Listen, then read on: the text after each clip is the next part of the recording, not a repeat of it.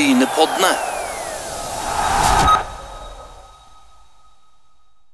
Ja, Hjertelig velkommen til nok en Brynepodd. og Brynepoddene de eh, er på lufta igjen. og I dag så skal vi ta på oss skeisen, eh, Asgeir, og, og få vite litt om mer hva som skjer i Oilers. Det skal vi, og det blir veldig spennende med distriktets eh, mest stabile idrettsleder, får en vel si. Velkommen, Pål Higsen. Tusen takk for det. Og Jeg vil jo bare skyte inn at, at jeg, eh, meg og deg Asgeir, har jo alltid eh, småkrangla litt opp gjennom tiden i, poden her. Og jeg sa jo han heter Paul, og, og det viser seg at, jeg, at jeg, jeg hadde litt rett der. Ja, Det var han verste svar for sjøl, var ikke det? Jo, eh, det er på en måte litt rett, for jeg ble født i England, og der hadde de ikke Å i kirka, så det ble P-A-U-L som var navnet mitt, men navnet mitt har jo vært Paul hele veien. Og så i, når jeg var åtte-ni år, så ble jeg lei av at lærerne sa Paul, så da gikk jeg til mor mi og sa nå vil jeg bytte til Pål med Å. Ja, Det høres eh, bra ut. Men eh, ishockeyinteressen, Pål, Jeg går ut ifra at du er jo vokst opp i Stavanger i den tida gamle Viking var hockeylag. og ishockeyinteressen ikke var på, på, på topp i, i Stavanger-regionen, får en vel si. Når ble du interessert i ishockey? Det var ca. da jeg ble født. Uh, jeg er altså da barnebarnet av en som heter Jostein Haukali, som var den første driftslederen i Siddishallen i sin tid. Eh, så jeg er egentlig født inn i hockeymiljøet, og så lenge jeg kan huske, så har jeg eh, gått i Siddishallen og, og har på en måte fått det inn med familien min sitt blod. Han eh, var leder i Citys Hockey, og, og, jeg begynte mine små år i, i Siddishallen og spilte for Citys Hockey. Du er jo som, oss født, født på 70-tallet, men, men, kan du si litt om, om, hockeymiljøet i Stavanger før Oilers, og, og sånn du opplevde det, altså både som, som, som, ung spiller og som fan? altså Det var jo ikke veldig mye å skrive hjem om den gang? Nei, det var jo et, eh, som du sier, det var et ganske lite miljø, og det var veldig sentrert rundt eh, ishallen og Kjensvoll og, og, det området som var der. og Sportslig sett så var det jo sånn passe. med Viking hadde noen gode år innimellom hvor de var, de var oppe og gjorde noen gode prestasjoner. Eh, også for meg, da, som eh, på en måte etter hvert ble ungdom og fulgte eh, Viking på eh, slutten av 80-tallet, begynnelsen av 90-tallet, så, så, hadde vi noen gode lag der. Vi hadde noen gode amerikanske spillere. og, og de gjorde noen eh, OK resultater. Tok eh, NM i, i bronse det ene året der. Så, men selve interessen for hockeyen var veldig, veldig smal. Og så kom det jo holdt på å si, krise og, og utid i, i, Viking, som det gjorde òg i, i, håndballen, får en vel si. Men, men, altså, når du fikk den forespørselen i 2004 om å gå inn i, i det nystifta, relativt nystifta Oilers, da, hva fikk du forespeilt deg som, som oppgave når du, når du begynte? Eh, ja, det, det, er et godt spørsmål. Det var veldig blanke ark den gangen. og det, Som du sier, så hadde det vært eh, kaos i hockeyen og det hadde vært litt nedetid. Vi hadde hatt flere år i, i, Stavanger hvor det ikke var eliteserie-ishockey i det hele tatt. og, og så var det spennende med dette Stavanger Oilers-laget og, og Harti Kristola som hadde starta opp dette eh, finske samlingen av, av, hockeyspillere, og så etter hvert fikk spedd på litt eh, nordmenn og Stavanger-gutter. Uh, og jeg ble med som frivillige rundt det laget mens de var i uh, førstedivisjon. Og så kom jo Tore Kristiansen på banen uh, og var med som sponsor, og etter hvert skulle inn som eier. Og, og, via at jeg ble kjent med han, så, så utvida på en måte det samarbeidet seg til å bli en, en fast stilling etter hvert. Men uh, det var ikke noe tvil i mitt hjerte om at når jeg fikk muligheten om å jobbe med ishockey, at det var det jeg ville. Men det var jo egentlig bare en håndfull folk som var rundt Oilers på det tidspunktet, så vi måtte jo gjøre alt.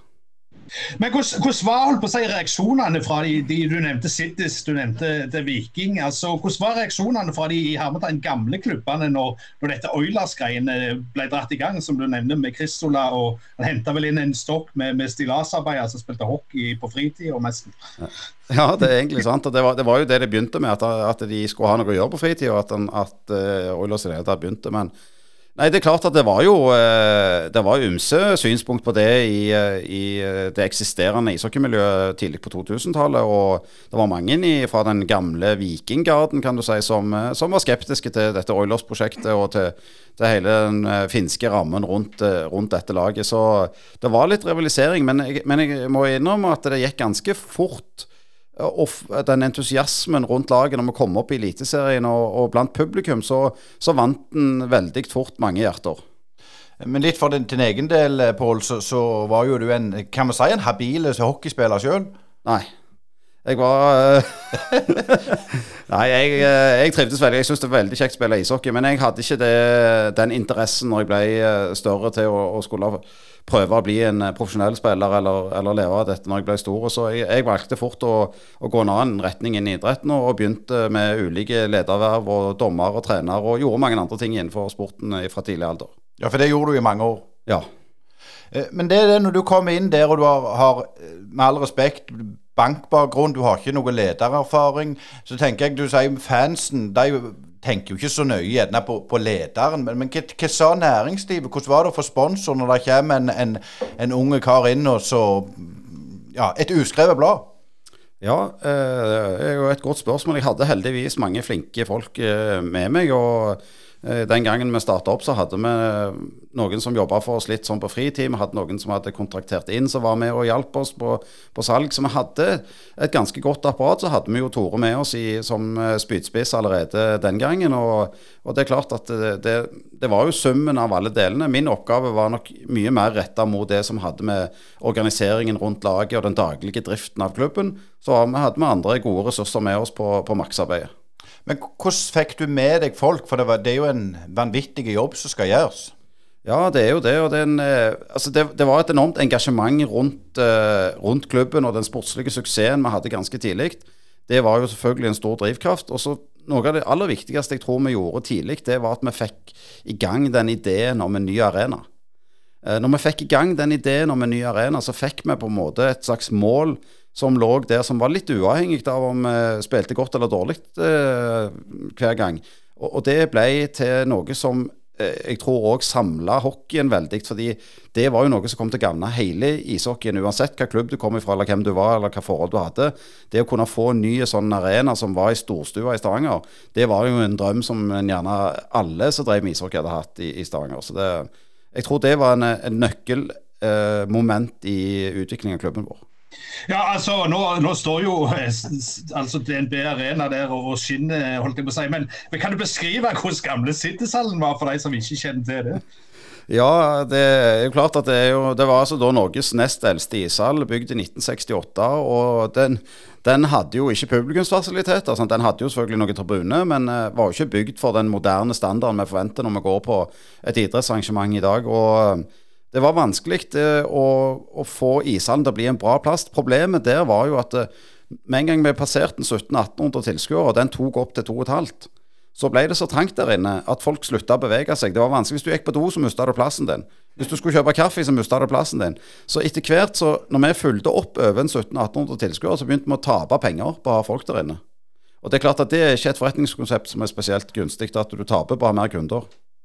Men jeg er òg interessert litt i å høre litt på hvordan dere angrep dette med, med sportsplanen. Altså, du sa at altså, arenaen kom tidlig på banen, men altså det sportslige og planen, altså hvor, hvor, lang, hvor lang tidshorisont brukte dere når dere begynte å legge de første sportsplanene deres? Til å begynne med så jobbet vi ganske fra hånd til munn på mange områder. og Det gjorde vi på sport òg. Vi visste ikke egentlig hvor lenge Oilers skulle leve. Vi, hadde, vi, brukte mer penger enn vi tjente. Og det var ikke fordi at vi ikke hadde kontroll på hva vi brukte, men vi, vi ønsket å bruke investere i hockeylaget og i produktet, sånn at du skulle skape det engasjementet vi trengte for å få realisert eh, planene om en, en, ny arena. Og Det var et bevisst valg som de eierne våre tok. Men det er klart det kosta noen millioner kroner i året, og vi visste aldri egentlig fra år til år. Eh, meg og Tore har sittet mange ganger i mai og juni og lurt på om har vi med oss eierne ett år til uh, i, den, uh, i, den, tidlige fasen i, i Oilers-livet. Så det var litt hånd til munn til å begynne med. Men etter hvert som vi begynte å, å kjenne at disse arenaplanene var realistiske og realiserbare, og vi fikk flere og flere sponsorer med oss, så skjønte vi at vi måtte gjøre noe med den langsiktigheten i måten vi jobba på. og vi i, sånn 2007-2008 begynte vi å tenke veldig nytt i forhold til lagbygget, og, og, rett og slett fokuserte oss inn på å bygge en norsk stamme i laget, som skulle være på en måte kulturbærerne, være de som var kjernen i klubben vår, istedenfor en og annen stjernespiller som kom inn og var gode fra år til år. Men, men, litt sånn interessant det der, eh, for det at eh, altså, Citizen har alltid ligget som en sånn outliner i forhold til Hockey-Norge, som er da veldig sentrert i, i Hedmark og rundt Oslo og ned i Østfold og, og, og litt grann, eh, mot Asker og, og, de områdene der. Altså, du har jo ikke akkurat så vang, veldig mange haller å ta av i umiddelbar nærhet. Altså, hvordan angrep dere det for, for å bygge opp en slags norsk stamme slash lokalstamme? Ja, det er helt riktig. og det, det, var jo selvfølgelig en utfordring at den lokale veksten på hockeymarkedet for vår del var liten den gangen. Så vi måtte eh, gjøre to ting. Det ene var at vi var nødt til å bruke litt mer penger på den norske stammen i laget. Vi måtte sørge for at eh, unge, gode hockeyspillere som var villige til å flytte til Vestlandet, fikk en OK hverdag og kunne faktisk håndtere det å leve på Vestlandet, bo og spille ishockey og satse over lengre tid. Samtidig som vi måtte investere i juniorarbeidet. Så vi Tidlig investerte vi i trenere som jobba med juniorarbeid. Vi fikk i gang eh, toppidrettsgymnas med ishockeylinja og eh, ansatte trenere som kunne ta seg av det. Så vi, Samtidig som vi på en måte bygde en norsk stamme i laget, så begynte vi òg å jobbe med spillerutviklingen lokalt, sånn at vi etter hvert vil kunne være mer selvforsynte med unge talenter. Men er det noen av de nordmenn dere henta i den der tidlige fasen, eller relativt tidlige fasen som ble på en måte kontinuitetsbærende, som bare glei inn når du tenkte oi, dette var mer verdt enn det vi hadde tenkt i utgangspunktet?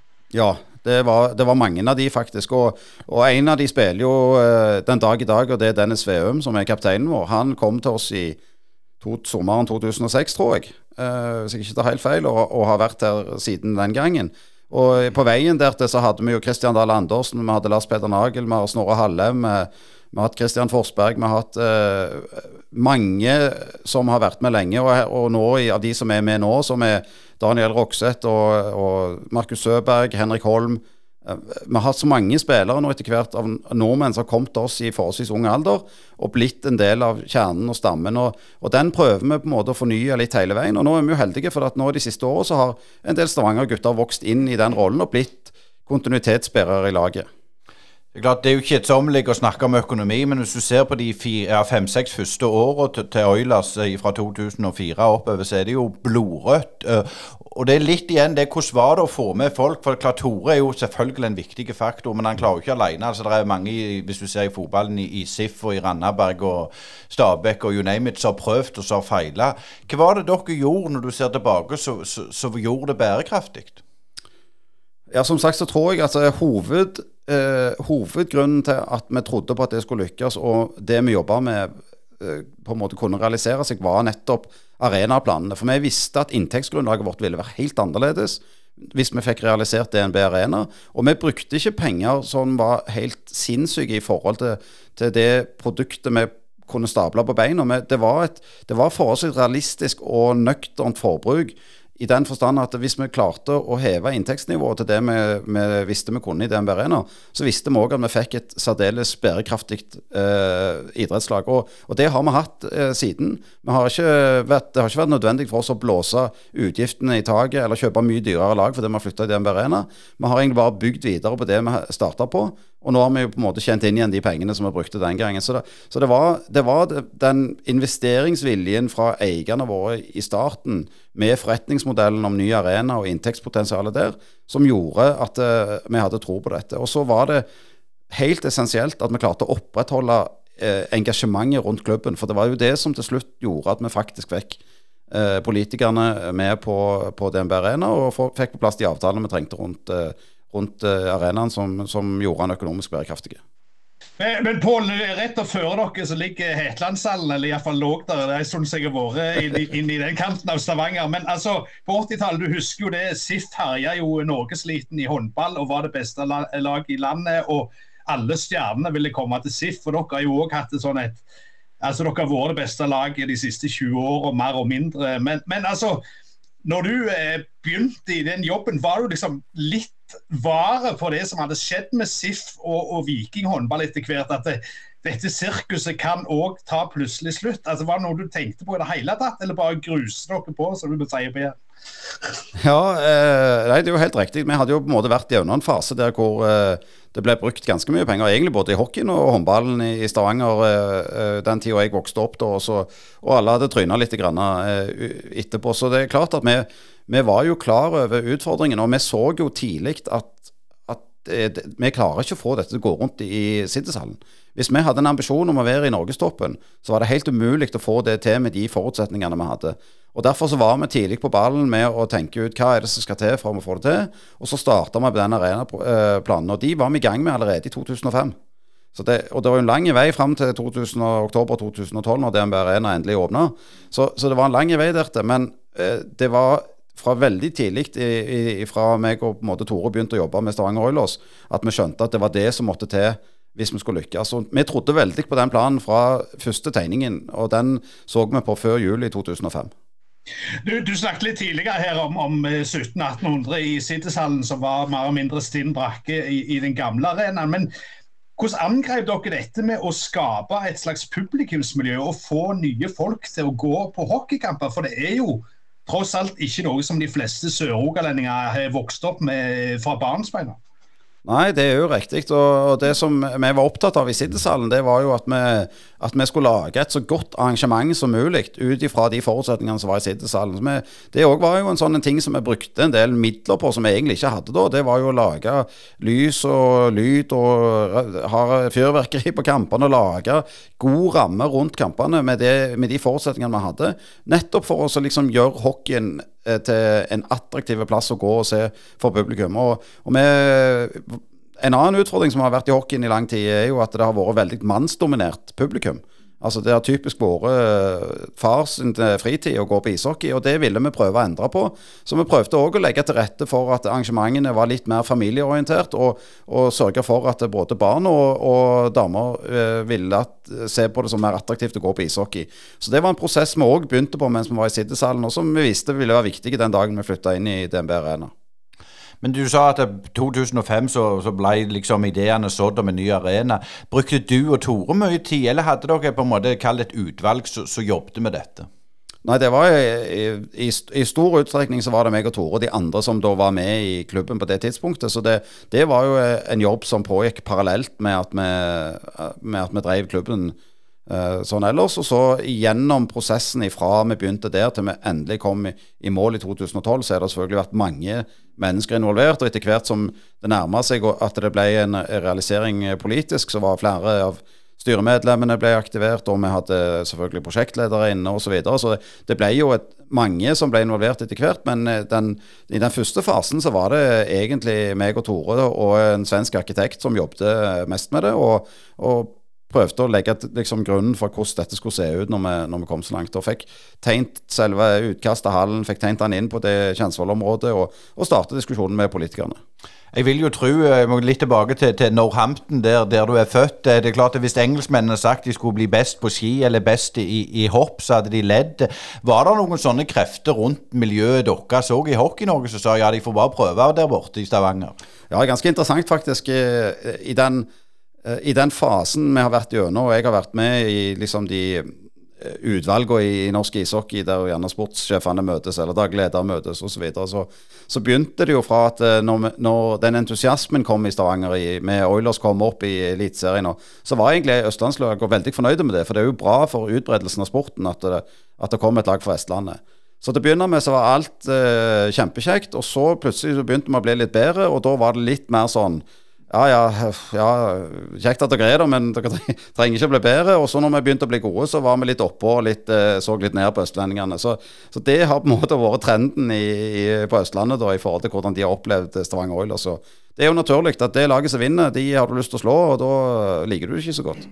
Nei, sånn skal det være i, idretten og sporten, selvfølgelig. Men, men, det er jo klart det gikk veldig bra de første åra, selv om tallene var dårlige. Det var en organisasjon som ble større, ble bygd en kultur. Så kom jo finanskrisa i 7-8-9, så dere òg fikk en liten down. Hvordan var, hvordan var den reisen der? Det var ikke bare gøy da? Nei, det var, det var, ganske tøft i den tida der. Og det var vel eh, kanskje den perioden hvor klubben har vært nærmest å ikke komme seg gjennom. Uh, selv om vi sto støtt til slutt gjennom alt som var eh, av utfordringer den gangen òg, så, var, så var, det var tøft. Og da hadde vi òg litt tøft sportslig i den perioden, så det var, det var noen tunge år i, i 7, 8, 9 der før vi hadde den gode sesongen og vi vant i 2010. Så, så det, det var definitivt en utfordring for oss, men, men, vi hadde heldigvis eierskap som var ekstremt seigt, og som trodde på dette og ville lykkes. Og, og, og du sier at vi bygde organisasjon og kultur, og det er kanskje en av de tingene som òg har vært nøkkelen. At, det, at de som har investert i klubben, har vært villige til å investere i administrasjon og klubb like mye som i laget. Og det har vært en, en tror jeg, en stor nøkkel til at vi, at vi, står der vi står i dag. At en tørde å satse både på og utfor isen. Men Pål, jeg har litt lyst til å trekke opp litt eh, østlandslaget, spesielt uh, Vålerenga, som, som, da var på en måte lokomotiv i mange år i hockeyen. Storhamar hadde jo òg noen gode år. Men, men altså, de ble jo værende på Jordaland Fri, gamle Jordaland Fri, som, som, som, ble bygd under OL i 1952. Og, og der ser du på en måte at tida har gått forbi. Hvor, hvor, gikk dere hen for å hente liksom, inspirasjon når dere skulle bygge arenaen? Altså, jeg går ut ifra Det var ikke noen veldig mye norske arenaer som kunne være en slags modell for, for selve bygget. Nei, det er helt riktig. Men altså, helt konkret så var det Ferjestad i Karlstad i Sverige som var eh, på en måte klubben vi begynte den jobben med. Og Det hadde vi rett og slett med at vi hadde en, en trener da i, i dette 2005-tida eh, som kom fra Ferjestad. Eh, så var meg og Tore der borte og så på eh, arenaen en gang, og så sa vi at det, Sånn som så dette må vi få i Stavanger. De hadde gjort tilsvarende kan du si, øvelse i Sverige. De var tidlig ute, eller først ute med å få bygd en moderne is, eh, ishockeyarena i Sverige. Eh, så da, Selv om det fantes store bygg i, i, Sverige allerede, så var det mer sånn som Globen og, og i Frø... Øh, det? Ja, I Frølunda hadde de òg en stor, men det var mer sånn multifunksjonsarena der de òg spilte ishockey. Mens i Feistad hadde de reist rundt i hele verden og sett på de ulike arenaer og bygd en, en miniversjon av en NHL-arena, egentlig. Så vi, det vi gjorde da, det var at vi gikk rett i kontakt med han som var arkitekten for Feistad, og fikk han til å tegne et forslag for oss. Så vi brukte inspirasjon ifra de, og etter hvert reiste vi jo rundt og så på flere arenaer rundt i Europa, vi òg. Eh, og jeg har jo hatt mange turer til USA, så jeg tok med meg litt inspirasjon derifra. Og til, i sum så ble det da til slutt eh, det vi ser som er DNB Arena i dag. Men litt eh, tilbake til, til, dette med trener. altså Petter Thoresen var jo på en måte et slags iallfall utad et slags lite vendepunkt. altså Der dere fikk en trener som var stabilt over flere sesonger. Hvor mye betydde han på sportssida for dere? Det er klart at eh, Petter og, eh, og, den suksessen han hadde i de alle årene han var hos oss, var uh, Ja, det er jo en uvurderlig bidrag han har gitt til klubben vår. Han var det passet jo veldig godt med denne her eh, ideen vår og ønsket vårt om å på en måte gi klubben over til et sånn norsk eierskap med en identitet i klubben og en, en kultur som, som, ble båret fram av den norske kjernen i, i, i, laget. Og da i tillegg å få Petter inn som trener, eh, som, som virkelig kunne bære det videre. Og med hans eh, fantastiske egenskaper som, eh, som hockeyleder, så så var det en kjempegod match. Og den jobben han gjorde i alle de år, og alle de mesterskapene vi vant, det, det har han selvfølgelig en meget stor andel av æren for. Men klart, Det er jo på sport der du har på en måte hentet inn ekspertisen, men, men, for din del, du var daglig leder, en ukjent sådan, hvis jeg kan bli så frekk å si det. Du har jo òg vokst inn i en rolle der du går fra 4 millioner omsetning til pølsebu til, til 90 millioner i omsetning. Den reisen du har vært med på, hvordan har du utvikla deg, og, hva har vært liksom, triggeren din å være med? Ja, Først og fremst er det jo uh, sporten. Altså Det er jo ishockeyen og the passion eh, for ishockeyen. Jeg elsker jo hockeyen og sporten. Og så er det jo klart at på veien der så har jo det å på en måte vært med på å bygge klubben og bygge det som, som i dag er ishockeyen, vært inspirerende. Og til ulike tidspunkt har det vært forskjellige ting som har vært liksom drivende. Jeg syns jo den prosessen med, når vi begynte med arenaen var sykt spennende. Og selvfølgelig hele veien så har det med å lage lag vært utrolig gøy å, få lov å jobbe med spillerne. Og det er det den dag i dag. Jeg synes, eh, Vi vet at uh, hver gang vi kommer til 1. mai, så begynner vi liksom på ny alt det som vi har, eh, enten har prestert eller ikke prestert, det blir på en måte vekke. Og så må en eh, bygge videre. Men nå har vi jo selvfølgelig over tid fått bygd en kultur som gjør at vi har en, et sterkere eh, grunnmur enn vi hadde for mange år siden. Og som gjør at det, det er lettere på en måte å bygge et lag som potensielt skal være med og slåss om en tittel. Men det er like spennende hvert år likevel å være med i den prosessen og den oppstarten av ny trening med ny gruppe, få kjemien til å stemme, se hvordan trenere og spillere fungerer sammen. Og, og det å drive og utvikle seg hele veien. Når vi har vært så heldige å ha vært i toppen i, i norsk ishockey, så er det jo òg en utfordring at du må, du må hele veien utfordre deg sjøl og, og, prøve å finne områder du kan bli bedre på. For hvis en tror at det vi gjorde i fjor er godt nok neste år, så blir en fort tatt igjen. Så Det har vært en, eh, en spennende reise i seg sjøl. Så det, det, er hoveddriveren for meg. Men samtidig så har det vært så mange ting som har vært givende på veien. Og, og i tillegg til at vi har fått DNB Arena, så har vi fått flere andre eh, isflater i, i Stavanger òg. Og i dag er Stavanger Hockey sin breddeklubb Europas største ishockeyklubb. Og For å gå tilbake til det vi begynte med å snakke om hvor liten ishockeyen var når vi vokste opp. Og det å i dag vite at eh, alle på Jæren vet hva Oilers er. Alle har et forhold til ishockey, og vi har 1000 pluss unger som spiller den sporten i dag. Så er jo det for meg som er glad i ishockeyen, så er jo det, det er jo kanskje det jeg er mest glad for av alt vi har gjort at vi har fått gjort ishockeyen en sport for så mange. Ja, for det er jo litt det som du sier. Du er jo òg Liverpool-supporter, etter som jeg forstår. Det, det, det, det, tok 30 år før vi vant. Rosenborg sliter nå, United sliter nå. Men dere i Oilers har jo klart å opprettholde og kjempe om titlene. Eh, altså, du sier at det, det, får med folk og, og, bla, bla, bla. Men, men det er jo ganske unikt, det dere gjør. Ja, vi er enormt privilegerte og er inne i en situasjon hvor klubben og hockeymiljøet har det veldig bra. Vi har masse støtte. Vi har mange flinke folk i, eh, både i klubben og rundt klubben og i ungdomsklubben. Og vi har som, som jeg sier, enormt mange som har en fantastisk ettervekst i, eh, i hockeymiljøet vårt nå.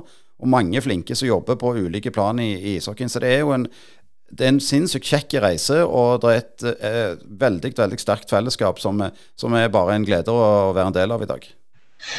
Pål, eh, du, eh, du, nevnte jo holdt på å si finnene her i starten, eller vi nevnte finnene her i starten, men, men det kommer en tid der du setter deg på flyet og reiser over til det som er toppen på kransekaka i hockeyverdenen, USA og Canada og NHL. Eh, hvordan knytta du kontakten opp mot klubbene der, og hvordan var den reisen til å begynne? Ja, den, eh, den begynte slett bare med at jeg, at jeg, kom i kontakt med noen, eller jeg tok kontakt med noen som, eh, som hadde en, via Hockeyforbundet, som hadde en relasjon til noen i, i USA eh, på landslagsnivå. Uh, reiste bort til USA, traff vedkommende, som da satte meg i kontakt med noen andre. Og så kom jeg i kontakt med noen andre igjen. Og, og, og sånn har jeg egentlig det var, Dette var i 2008. Og siden det så har jeg jo reist bort hvert år, minus covid. Eh, så har jeg vært borte hvert år en eller to ganger for å pleie og bygge det nettverket og, og se på spillere som eh, da potensielt kan være aktuelle for oss.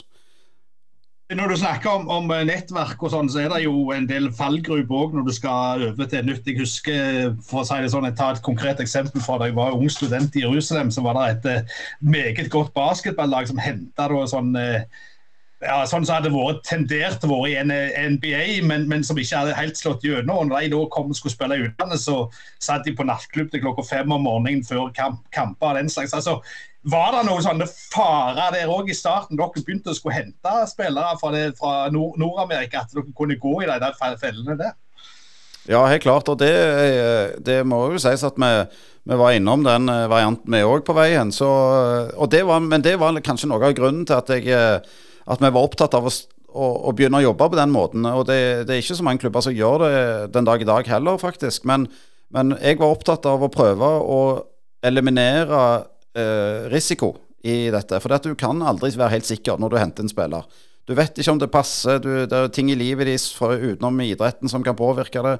Men det du kan gjøre, du kan gjøre så godt forarbeid som mulig i forhold til både kvalitetene de har som spiller, men ikke minst hvordan de er som personer. Og det som jeg har, eller vi har erfart, er jo at dess bedre kontaktnett en har, dess flere en kjenner, dess større sjanse for å få gode referanser på hvordan menneskene faktisk er. Og, og, ikke minst få god hjelp til å vite hvordan vil de virke i en gruppe. Og det, det, å få grupper til å virke er det viktigste elementet en har for å få et lag til å bli bra. Er det noen av de klubbene der borte som du har, føler du har liksom et, et litt bankende hjerte for, da, etter, etter de årene du har farta fram og tilbake? Altså jeg var jo, eh, Før jeg på en måte begynte å reise, så var jeg jo New York Rangers-fan på NHL-nivå. Eh, så var jeg så heldig å få en eh, kontakt med en som jobbet i New York Rangers, og han hjalp meg med alt mulig i forbindelse med reisene der borte i, i, i årevis.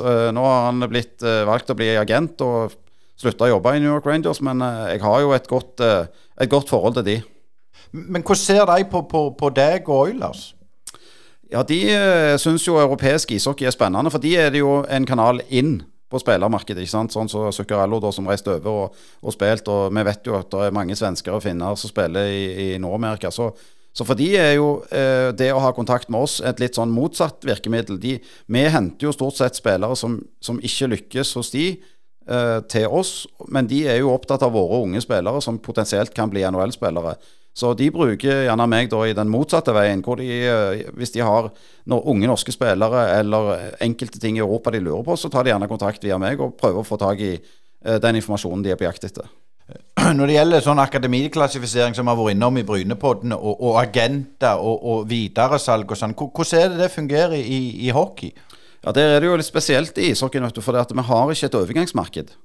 Uh, så vi har ikke penger å tjene på spillere i, i, kjøp og salg. Det eksisterer ikke. Vi opererer kun med lønnskontrakter, og også er i prinsippet alle Bossman-spillere. Det er sånn uh, hockeymarkedet virker. Så der har vi litt sånn annen tilnærming til, til, til, hvordan vi skal jobbe. Men vi er jo opptatt av spillerutvikling og få fram unge norske spillere. Men det er mer av et hensyn til at det gagner oss sjøl, men det gagner òg norsk ishockey. Og på den måten så blir hockeyen og oppmerksomheten rundt det vi holder på med, eh, bedre. Og vi er avhengig av å ha et godt landslag hvis vi skal ha oppmerksomhet rundt sporten vår. Så vi må ta et, et ansvar for spillerutvikling. Men det er ikke fundamentert på at vi kan tjene penger på det. Men eh, Hvis vi zoomer litt ut her og, ser på de årene du har vært involvert i hockeyen, eh, Pål. Eh, hvordan er det med norsk hockey generelt? Altså, Hvordan er diagnosen på norsk hockey i dag kontra det det var i 2004? Ja, altså, Helt ærlig så er diagnosen at det går fram gjennom, men det går litt for seint fram gjennom. Uh, vi skulle gjerne ønske at vi var kommet enda lenger på arenautvikling i en del plasser, selv om det nå er kommet ny uh, hall på Jordal og det er kommet ny hall i Asker, og de holder på med et prosjekt i, i Fredrikstad nå som uh, forhåpentligvis er realisert. Så skulle vi nok gjerne vært enda litt lenger framme i skoen i forhold til dette. Og ikke minst så har hockeyen et behov for å få byer som Bergen og Trondheim med seg. Og der, der burde vi ha kommet lenger. Men hvordan ligger det an i Rogaland, da? Det er vel Nærbø utenom dere som har halv eh, per i dag, er det ikke det? Og Haugesund. Ja, Haugesund òg. Men altså, hvordan vokser det der holdt på å si, litt lenger uten, utenfor dere? Altså, det er jo et stykke fra Haugesund til Stavanger, og fra Nærbø Stavanger òg, eh, faktisk. Mm. Nei, det, det, er helt sant, det. Det er, det er jo miljøer som eh, driver, men som ikke kanskje får den veksten som vi hadde hadde håp. Det er vanskelig å, å De har gode barnemiljø, men det er vanskelig å holde på ungdommen når de blir større. Det er såpass eh, Alle, uansett hvor du bor i Norge, så lever du under sterk konkurranse med andre idretter. Og det er klart at uh, hvis en er på Nærbø eller en er i Haugesund, så vet en jo at det er andre idretter som, som står sterkt i lokalmiljøet, og som gjerne da tar talentene når de kommer opp i ungdomsalderen. Så, så det er en utfordring for sporten. og Derfor er det viktig for ishockeyen generelt, eller det gjelder sikkert alle idretter, men, men, for vår del at vi, at vi vokser eh, gradvis ut ifra der vi er sterke fra før av. Sånn at eh, det å åpne en ny ishall og få et nytt miljø på en, en perifere plass er mye vanskeligere enn eh, hvis vi går liksom 100 meter ned i gata og så åpner en hall, og så går du 100 meter til ned i, i gata og åpner en hall. For da forsterker du på en måte det miljøet du har, og så klarer du å beholde de store talentene i, i sporten din. Så, så vi, må, vi, må, bygge, vi må bare fortsette med arenautvikling. Det er det som er nøkkelen for veksten i norsk ishockey. Og så må vi starte der det er tetthet, og så jobbe oss ut gjennom. Jeg tenker litt på sånn maktbalansen som jeg har vært litt opptatt av. Altså du har, sånn I fotballen så har jo, syns jeg personlig iallfall, fans vel altfor mye makt. Uh, hvordan er det i ishockeyen? Er det grupperinger som sier nei, vi skal ikke spille på lørdag, vi skal spille på tirsdag? Altså, hvor mye maktsentrert er det rundt det? Uh, der har vi nok ikke samme situasjonen som i fotballen helt der, men det er klart at den, uh, den er jo først og fremst mediestyrt, den uh, saken. Altså hvor mye, når skal vi spille, når skal vi ikke spille, er jo gjerne en TV-sak osv. Og, og, og TV og det å få oppmøte i hallene osv. Det er jo en, det er en utfordring for, for klubbene og for TV å få det til å gå i hop på en god måte. Men jeg føler at vi har et bra samarbeid i, i vår liga med, med TV 2, som jo da eh, sender hos oss. Men, eh, foreløpig så opplever ikke vi noen sånn stor sånn dragkamp i, i, i den sida av saken. Eh, så du, du, du har de på lag. Men, men, sånn litt tilbake til det med deg som, som begynner som en ung spire og, og, er nå i et mest et konsern. Hvor er det du søker? Du sier du søker inspirasjon fra, fra ishockey i USA, men klart du, du lærer ikke to pluss to der. Altså, du, er jo blitt the big man på en måte. Altså, hvordan har det gjort det med noe med deg personlig, dette her? Ja, det har det sikkert. Jeg eh, jeg prøver jo bare å være Pål, jeg, da. Så det Ikke, ikke Paul, altså? Nei, eh, det er Pål. Eh, så eh, jeg, Nei, altså, det er klart at det, jeg har jo sagt det før en gang, at hvis jeg, hvis jeg, visste det jeg visste i dag, så tror jeg ikke jeg hadde ansatt meg sjøl som sportsleder i 2004. Så, så det, noe har jeg vel lært på veien, tenker jeg. Og så, og så føler jeg jo at det å snakke om enkeltpersoner i Oilersens historie blir nesten sånn at det blir litt vanskelig. For det, det er så grævlig mange som jobber så godt sammen at det, jeg føler jo at jeg, jeg, har vært med på hele reisen, men, men jeg deler den jo med så mange. Sant? Så jeg har gjort min rolle, og det er klart at jeg har jo utvikla meg veldig som både person og som leder. og jeg har blitt far i den perioden. Jeg, altså, det er mye som skjedde i mitt liv som har gjort at jeg er en helt annen person å forholde seg til i dag enn jeg var for, eh, for 17-18 eh, år siden. Uh, heldigvis for det, så har jeg jo, har jeg lært noe. Så det, jeg, jeg, men, men, jeg føler at den meg som person oppi dette er på en måte bare en av mange som har vært med og gjort Oilers til det det er i dag. Og jeg, jeg, er glad i hockeyen, jeg bryr meg om hockeyen. Jeg tror jeg forstår mennesker oppi, oppi denne delen av det. Og, og, eh, vi har funnet en fin måte å jobbe på som gjør at vi kan bygge et slagkraftig lag, og vi kan organisere oss på en måte som gjør at vi, vi har noen fortrinn på, på, de andre lagene vi konkurrerer mot. Jeg, jeg tror vi er gode på å drive klubb. Og Det tror jeg er viktig. Det er en god klubb å spille i. Vi er flinke på å stille krav. Vi er flinke på å eh, hjelpe folk til å være i en situasjon hvor de kan prestere maksimalt på, på banen.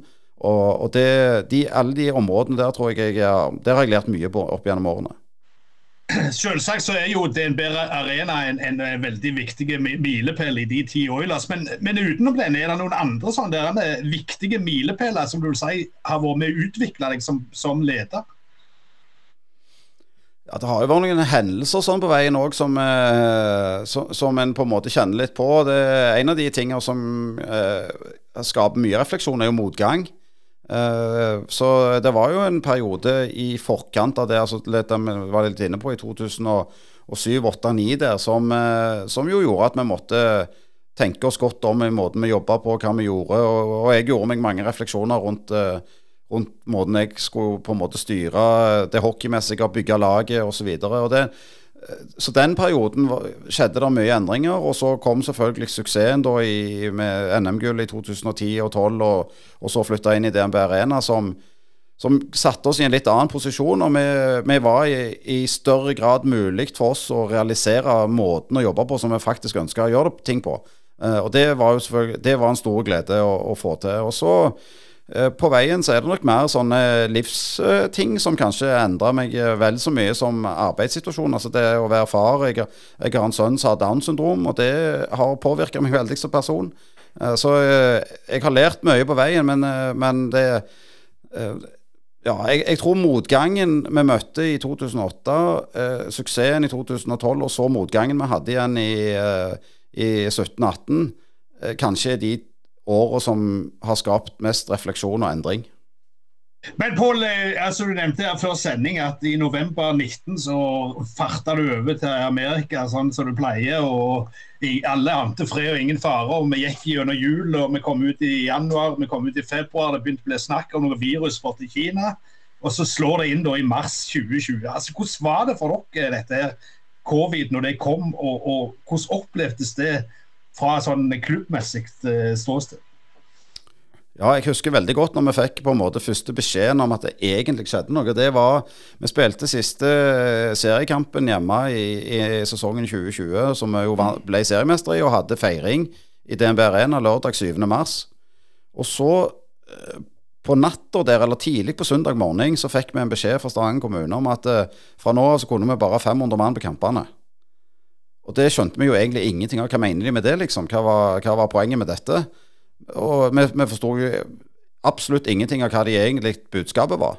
Uh, og så drev vi jo og jobbet med alt mulig slags varianter av hvordan vi skulle klare å få inn 500 ganger uh, Altså Kan vi liksom ha det i seksjoner? Kan vi få inn mer folk? Og Vi forsto jo på en måte ikke helt budskapet. Må, så ærlige må vi jo være å si. Og, og, så vet vi jo alle hva som skjedde utover den uka. Den 12. mars så var det vel eh, slutt for det meste som foregikk. Og det var jo et sjokk. og de ukene som fulgte der, det er nok eh, oppi alt mulig. Så er kanskje det de tyngste ukene vi har hatt på jobb. Eh, nå permitterte vi hele spillerstallen, vi permitterte alle som jobbet hos oss. Uh, og så skjønte vi jo ikke helt alvoret. Det sank liksom inn mer og mer utover i april når Vi trodde jo gjerne at vi kom på andre enden av påsken, så hadde jo den der snuen gitt seg. Så, men men så skjønte vi jo at det ikke var helt realiteten. Og den, eh, den fasen der, den var, den var, skummel. For da visste vi, begynte å skjønne at dette var alvorlig. Så visste vi jo ikke helt hva resulterer dette i, egentlig. Eh, så det var en tung periode. Og mange folk var redde. Folk var usikre. Eh, de ansatte visste ikke på en måte, De var redde for seg sjøl. Folk var lei seg. Folk var usikre på jobbene sine. Det var, nei, det, det var en tung periode å være leder. Ja, jeg tror vi hopper over den, den tunge tida, som jeg skal spøke litt med at eh, vi snakker om den tunge tida. Det skal vi ikke gjøre. Nå skal vi snakke om, om uh, mandag. Da er det semifinale uh, i, i sluttspillet. Og er det det som er rosinen i pølsa for deg, eller er det andre ting som er skikkelig gøy? Eller er det dette som uh, Pål nå, nå, gleder han seg? Ja, nå gleder han seg veldig. Uh, men, men i, av en eller annen grunn så er liksom seriespill i hockeyen alltid vært litt sånn nedsnakket. Og det har jeg eh, vært sånn forkjemper for i alle år, at, eh, at, det er jo liksom det som de engelsk, på engelsk kaller vår bread and butter. Det er liksom det vi holder på med mesteparten av tida. Og, og, det å være seriemester og være det beste laget over så mange måneder, det er en prestasjon som, som virkelig fortjener anerkjennelse. Men så er det jo sånn at vi kommer til cupspillet vårt, og vi har et system i ishockeyen hvor du spiller ishockey, og så den aller siste dagen du liksom Hvis du vinner den aller siste kampen i sesongen, så har du vunnet. Da er du mester. Og, og da er alt ferdig. Og den følelsen av å stå igjen der når den siste kampen er spilt, og det, det, hornet går for aller siste gang den sesongen, og være mester, det er en sånn en følelse som, er, som det ikke går an å erstatte med noe som helst. Og dermed så, så er det feil å si at, at liksom Eller prøve å si at ikke dette er rosin for det er det til syvende og sist er liksom det å stå igjen den siste dagen som mester, det er en fantastisk følelse, og, og det er drømmen til alle som driver med ishockey. Så, så denne tida av året er høytid, det er det ikke noen tvil om. Eh, du vet, Øystein er jo sånn optimist. Jeg har alltid vært pessimisten. Så jeg, så jeg har lyst til å spørre deg litt om, om, om, altså, Det var greit nok i 2020 at alt stoppet. Det var ikke noen vaksine som rullet ut, ingenting. Men sluttspillet i fjor, at det ikke ble noe av. Hva, gjorde det med dere? Ja, fjoråret var, det var tungt. Vi spilte siste kampen 5.1 med, så gikk vi og venta egentlig. For da var det sånn annenhver uke så kom regjeringen med ny informasjon. Og så håpte vi og trodde hele veien at vi skulle få komme i gang igjen på et eller annet tidspunkt og få et, et unntak for toppidretten eller noe som gjorde at vi fikk spille. Eh, som da kulminerte med en full nedstengelse 15.3 og, cirka, og, og det ble ikke noe mer spill den sesongen. Så det, det var et skikkelig slag i trynet, for vi, vi følte på en måte at vi var i posisjon til å kunne gjennomføre et sluttspill. Eh, og klare å spille, selv om de gjerne var uten publikum osv. Så, videre. så det, det var en syk nedtur etter å ikke ha fått noe sluttspill i 2020. Uh, så det å kunne gå inn i sluttspillet nå, eller nå er vi jo i gang med sluttspillet, det, det, å være i gang igjen nå, det er en, ja, det er en fantastisk følelse. Det må jeg bare si. Men merker dere òg noe til, til, dette de kaller for altså medgangssupportere? Altså er det sånn at i, i serien så er det vanskeligere å fylle opp enn det er nå når det er sluttspill? og alle skal se på disse skjeggene som vokser blant spillerne så lenge de holder på. Ja, nei, vi, eh, vi har heldigvis vært privilegert med å ha veldig godt publikumsoppmøte hvert år i DNB Arena og gjennom sesongen. og, og vi, vi, strever ikke på en måte med at folk venter til det sluttspillet må komme, heldigvis for det. Og det tror jeg er litt fordi at vi, vi legger mye engasjement i at uh, seriespillet skal være spennende. Vi prøver å legge til rette for at kamparrangementene er like kjekke da som de er på, på sluttspillet. Og, og, og, det Nei, vi er veldig glade. Vi har en ekstremt lojale tilskuermasse som følger oss, både, både private og sponsorene. Og, og, de har stått og slast og brast gjennom eh, covid-perioden òg. Og det, ja, det, det må vi bare ydmykt takke for. Men er det sånn i ishockey at du kan på en måte vite litt på forhånd hvordan dette går? Eller, eller er det altså Dere feide jo gjennom kvartfinalen ganske greit. Eh, eller er det liksom over så mange kamper. Er, er du nokså sikker på at det skal gå inn til finale, eller er det sånn hvert år så står du der og er litt usikker og kjenner det litt i magen? Ja, du kjenner det godt i magen, det kan jeg love. Det, er helt sikkert. Og det, nei, faktisk var det litt rart. Det var jo noe av det som var litt kult med å spille sluttspill igjen nå. For når vi reiste til Ringerike og leide 3-0 i kamper, så det er klart vi forventa jo å vinne serien. Det regnet vi jo på en måte med vi skulle klare når vi leda 3-0 i Men allikevel så går du rundt med en sånn løyen følelse i magen at tenk hvis noe skjer, og tenk hvis plutselig så vinner de en kamp, og så får de troen, og så begynner vi å bli usikre. Og, og det lever gjennom hele sluttspillet. Så sluttspillet i ishockey er en sånn evig momentkamp. Du, du, vinner du en kamp, så får du et momentum. Så taper du en kamp, så får de andre momentum. Og så, så gjelder det Det er på en måte de som mestrer det der svingningene i, i momentumet best, som ender opp med å vinne. Og Nå vet vi jo at vi går inn i en semifinale, så er det det ikke, blir ikke spilt én lett kamp til denne sesongen. og uh, Du må være på hver eneste kamp hvis du skal være sikker på å vinne. Så uh, vi har et godt utgangspunkt, men det er mye hockey igjen. Ja, det er, mye som skal skje før, før pokalen bytter blir henta. Men, men tenk, hvis du ser på Oilers nå, sånn som du som leder, hva ser du som den største utfordringa til klubben på litt sikt? Og sånn sett på lang sikt? Ja, øh, utfordringen er jo hele veien selvfølgelig at vi må, vi må holde oss der vi er rent sportslig. Så er jo en av, en av, våre jobber er jo å være med og være drivkraft i norsk, utvikling av norsk ishockey. Og Der eh, må det jobbes videre. Som jeg sier, vi, det går framover norsk hockey, men det går ikke fort nok framover. Vi, vi er avhengige av å ha øh, sterke rivaler. Vi er avhengige av å skape gode historier i sporten vår. Vi må vi må få Bergen på kartet. Vi må begynne å krangle litt med bergenserne. Vi må få trønderne med oss. Vi, vi, er nødt til å liksom utvide pers, eh, si, området norsk ishockey eh, har som nedslagsfelt i dag. Eh, og Det er en av jobbene vi har. Og det er klart at Etter hvert som vi har leda eller vinner og har vunnet i mange år, så blir motstanderne våre klar på, for å slå oss. Så hvert år så er det den utfordringen at vi skal liksom prøve å ligge det der lille hestehovet foran. Og, og, det må vi fortsette å pushe på. Den dagen vi slutter å pushe på det, så kommer de i en jæklig fart, de andre. Men du kom vel i en jæklig fart du òg, Pål, i gamle dager i Sitteshallen. Men det var ikke mange jenter som spilte hockey på den tida, går jeg ut ifra. Hvordan er dette vært med dette nye prosjektet deres med, med damelag? Ja, det er jo veldig kjekt. Det har jo vært, eh, Damelaget har jo eksistert i flere år i under Stavanger Hockey, altså breddeklubben sin, eh, sin paraply. Og nå tok vi over elitelaget før denne sesongen. Men det, men det, vokser veldig godt på, dame, på jentesida, må vi jo kalle det. da, For det er mange unge jenter som begynner å spille ishockey i Stavanger i dag. Og det vokser opp eh, stadig eh, større årskull fra, ifra bånn. Så akkurat samme som på guttasida der, så er det en fin, fin ettervekst av jenter. Og, og ishockeyen må eh, totalt sett òg skape rom for jentene. Dette er òg en utfordring med arenasituasjonen. Altså det, vi har begrensa med istid totalt sett i norsk ishockey. Og, og, vi må både fordele den istiden vi har bedre i forhold til gutter og jenter, og så må vi sørge for at vi får mer isflater, så vi får mer istimer til, til jentene òg. Så, så ishockeyen for damer er sterkt voksende, men akkurat som i fotballen så tar det tid. Vi må akseptere at vi må legge til rette for at de skal kunne drive med sporten i mange år, før en kommer opp på det nivået som, som en ønsker. Men, men, de jentene som står på, de er like seriøse som guttene. Så de må bare gis forutsetningene for å holde på med dette i lang nok tid, så blir dette veldig bra. Men hva er forskjellen vil du si, mellom herrelag og, og jentelag? Altså, hva, hva, slags dynamikk er der inne som, som skiller seg mellom de to?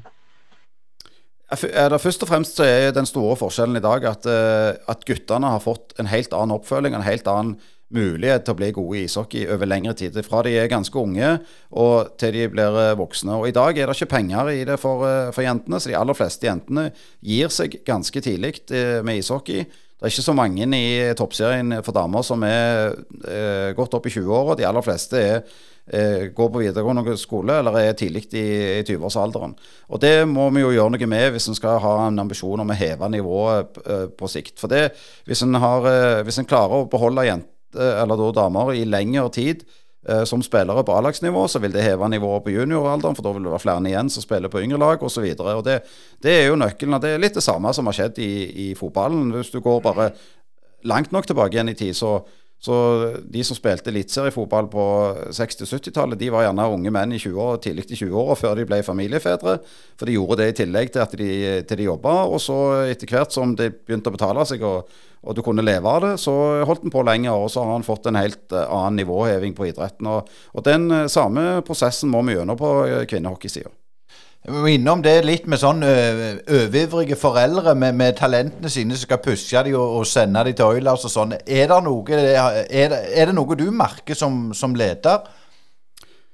Ja, altså foreldre, foreldre, og idrett er jo en debatt som for evig til lever, tror jeg. Og, der finnes det alle varianter, selvfølgelig, òg i, og i hockeyen. Men uh, vi har et uh, Jeg tror vi har et, et, godt system for på en måte å ta imot juniortalentene våre og forvalte juniortalentene i, eh, hos oss. Og jeg føler at vi, vi klarer å skape det nødvendige samarbeidet og avstanden. For det, begge de to tingene er viktige i forhold til foreldre og eliteidrett blant ungdom. Det skal være samarbeid, og skal òg være avstand. Eh, og Det føler jeg at vi har håndtert bra i junioravdelingen vår de siste årene. og, og jeg, jeg, vi, vi, opplever ikke så mye at folk prøver å pushe ungene inn. Det er mer, uh, det gjelder å, å, gi dem en hverdag som, som, er fornuftig. og Jeg er veldig opptatt av at unge talenter skal ha en, en hverdag som går i hop både med skole, eh, idrett og livet deres for øvrig. Men eh, Hvis jeg skulle sett overskrifter over, Oilers, eh, Pål, så ville jeg sagt at noe av deres styrker har vært en enorm stabilitet. Altså, Du har vært der i snart 20 år. Eh, Tore har vært på laget i ganske lenge. og Sikkert andre òg som har vært der noen år. I hvilken grad har du snakket med andre holdt på å si, idrettsledere rundt forbi i Rogaland? og I hvilken grad kommer de til dere og spør om råd, eller er det sånn at de der Oilders de får holde på med sitt, vi vet best sjøl? Ja. Det var ingen som har uttrykt akkurat det, men eh, Nei, altså det, Egentlig så snakker vi ikke så veldig mye sammen. Fra tid til annen så treffer vi jo eh, idrettsledere og snakker sammen i, i forskjellige fora. Vi er gjerne invitert på, på, samme tingen for å si noe eller være til stede på noe. Men, eh, men, i det praktiske så er det lite sånn direkte samarbeid mellom de ulike idrettslagene på, på gjennomføringsnivå. Det er mye mer på juniorsida er det mye mer samhandling mellom idrettene. fordi der har en liksom en fellesnevner i, i videregående skolene. Så, så, der er det mye mer sånn idrettsfaglig samarbeid. Men uh, hvis en tar de store idrettene som uh, håndball og hockey og, og fotball og, og, den typen i Stavanger, så, så, er det ikke så mye vi jobber sammen, nei. Er det, er det, en svakhet i, i, idretten at folk ikke er veldig opptatt av å gå og se andre og lære av andre? altså hvis du tar eksempelet Pep Guardiola, så er jo Barca en klubb der de hadde holdt på å si, både håndball og basketball og vannpolo og hva som helst. og Han, han gikk bl.a. og snakket med treneren på basketlag og sånn. Det er jo selvfølgelig samme klubben. Men har vi noe å lære der av hverandre som, som ikke blir oppfylt, syns du? Garantert. Uh, med jeg tror, eh, og det, jeg tror ikke det går på at en ikke er interessert det, sånn sett i å lære av hverandre, eller at en skal beskytte noen eh, egne ideer eller noe sånt. Det er bare Jeg tror hverdag, hverdagen er jo forholdsvis travel, og vi holder på med måte det vi holder på med. og Ofte når en da er ute og søker eh, kompetanse eller annen informasjon, så blir det gjerne innenfor egen idrett. på på internasjonalt plan. ikke sant? Og det, det, gjør helt sikkert Viking fotball. Når de skal ha faglig påfyll, så søker de det hos de som er bedre i, bedre i fotball enn de sjøl, og det gjør vi i ishockey. ikke sant? Så det, det, er nok mer fordi at den naturlige dragningen er innenfor egen idrett, mer enn på, av idrett, eh, på tvers av idrettene. Men, men at, vi ha, at vi kunne ha lært av hverandre, det er det jo ingen tvil om. Nå går det jo noen eh, få uker til, så begynner de å kjøre lort utover Jæren. Og, og dere begynner å se slutten på sesongen for i år. Eh, hva gjør du når eh, holdt på å si, sluttspillet er ferdig og dere forhåpentligvis står der med bytter? Jeg vet ikke om jeg kan si helt hva jeg gjør de første dagene, men, men etter det så, så, begynner vi på ny.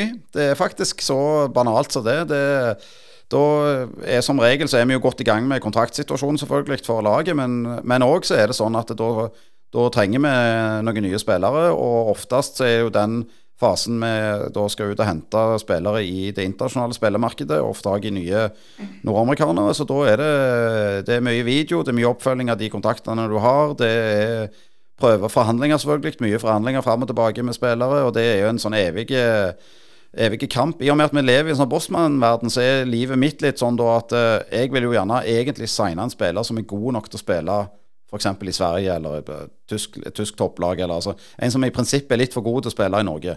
De vil jeg ha til mitt lag. Og så sitter da agenten hans og vet at han gjerne kan få han inn i Tyskland eller i Sverige. Og så forhandler han med meg, og så forhandler han med en tysk klubb, og så forhandler han med en svensk klubb, og så er det en sånn så er det det som jeg kaller the waiting game, for å finne ut av hvor du lander til slutt. Um, så det er et sånn sjakkspill som pågår i noen måneder da, fram til neste sesong for å få på plass uh, alle delene. Men, men har, du, har, du, ingen eh, tid til, til downtime og, ta, slappe av og, og, være vekke og bare koble helt ut, eller blir det liksom bare en lørdag til Barsagel og that's it?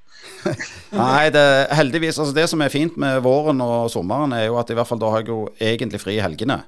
Uh, det har vi jo ikke så mye av gjennom vinteren. Så, så det, da kan jeg jo gå på en måte på jobb normalt fra mandag til fredag. Og så uh, er det jo sånn at for meg, så, i og med at jeg har mye med Nord-Amerika å gjøre, så blir det mye arbeid på kveldene. Men jeg har ganske frie dager og kan gå og spille litt golf på dagene når jeg, har tid til det. Og, uh, så jeg får tid til å, til å slappe av og, og, gjøre andre ting òg. Og så, så, er det litt sånn at det er ganske godt å prøve å bli ferdig med spillerstallen før vi kommer inn i, i juli. For det at så lenge den prosessen pågår, så blir det liksom aldri helt fri. Så det hender jo at jeg har signert siste spilleren enten rett før vi begynner, eller til og med etter vi i prinsippet begynner på igjen i august. og Da, da kan det føles litt uh, tungt innimellom. Men, uh, men uh, selvfølgelig får vi tatt ferie og vi får slappet av. og Vi har ikke kamper vi skal springe på. Så det, det er god tid når vi kommer til våren. og Etter et langt sluttspill så er det deilig, det.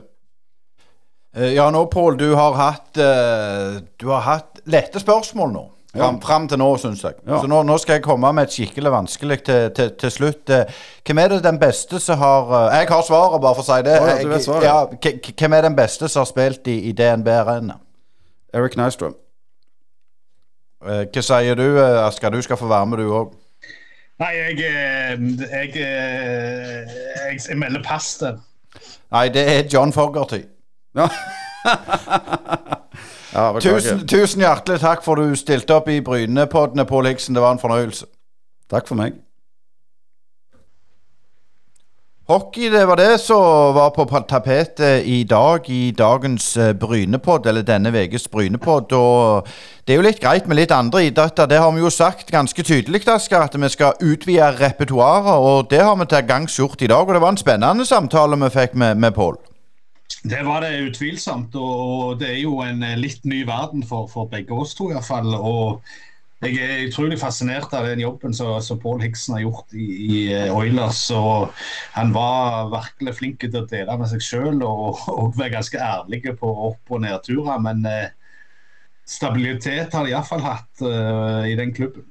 Og så kan vi jo si det er vel han som har sittet lengst eh, som daglig leder i en toppklubb. Der jeg skal ikke ha, har ikke noe statistikk på, men, men han har sittet lenge. Og det er jo Hvis vi ser den klubben på Jæren som har fire daglige ledere på et halvt år, så, så er ikke det suksesskriteriet, for å si det sånn. Nei, det tror ikke jeg heller. Eh, men eh, det som er fascinerende med Oilers òg, er jo litt som hørte hvordan de har skapt på en måte et eget miljø fra noe som var ja, en nokså sær idrett i Rogaland. Og, og, nå er det jo et flaggskip, så måtte det vare lenge. og Får håpe de gjør det godt nå i sluttspillet når de skal i gang med semifinalene. Ja, den er jo allerede på mandag, og vi vet nå som vi lager denne poden, så vet vi ikke hvem de skal møte på mandag, men det er i DNB Arena, og, og det er jo bare å oppfordre folk til, til, å reise inn der. Og så, så kan vi òg oppfordre Eh, hvis du syns det var gøy å høre denne podden, så kan du støtte oss litt på VIPS på VIPS nummer 610828. 610828. Og kom gjerne med tips. Det er mulig å leie oss ut på eventer. Vi har jo litt planer om det framover. Selv om gjerne du, Asgeir, ikke kommer, så ser du med oss på link uansett. Samme hva vi gjør. Ja, det er jeg selvsagt. Eh, så sant. Eh, linjene holder, og det gjør det jo foreløpig. Skal bare skyte inn en kort ting der som jeg syns var veldig interessant med, med det som Hiksen sa. Det var dette med hvor lite holdt på å si, snakk mellom ulike idretter og klubber det har vært de siste årene. Der tror jeg nok eh, vi har noe å hente for, for alle idretter. Og, og, prøve å snakke litt over gjerdet, for å si det på godt jærsk. Absolutt. Det er mye synergier å dra, dra, nytte av. Og Der føler jeg jo faktisk næringslivet er mye flinkere til å dra nytte av hverandre. Så der har idretten i Rogaland og i Norge, og sikkert nasjonalt òg, mye å lære. Og så er det jo eh, seriestart i fotball eh, 2. april, og da skal vi kjøre ekstra på neste pod. Den eh, skal vi vel kalle for seriepremiere eller kickoff eller whatever. Det, det blir spennende.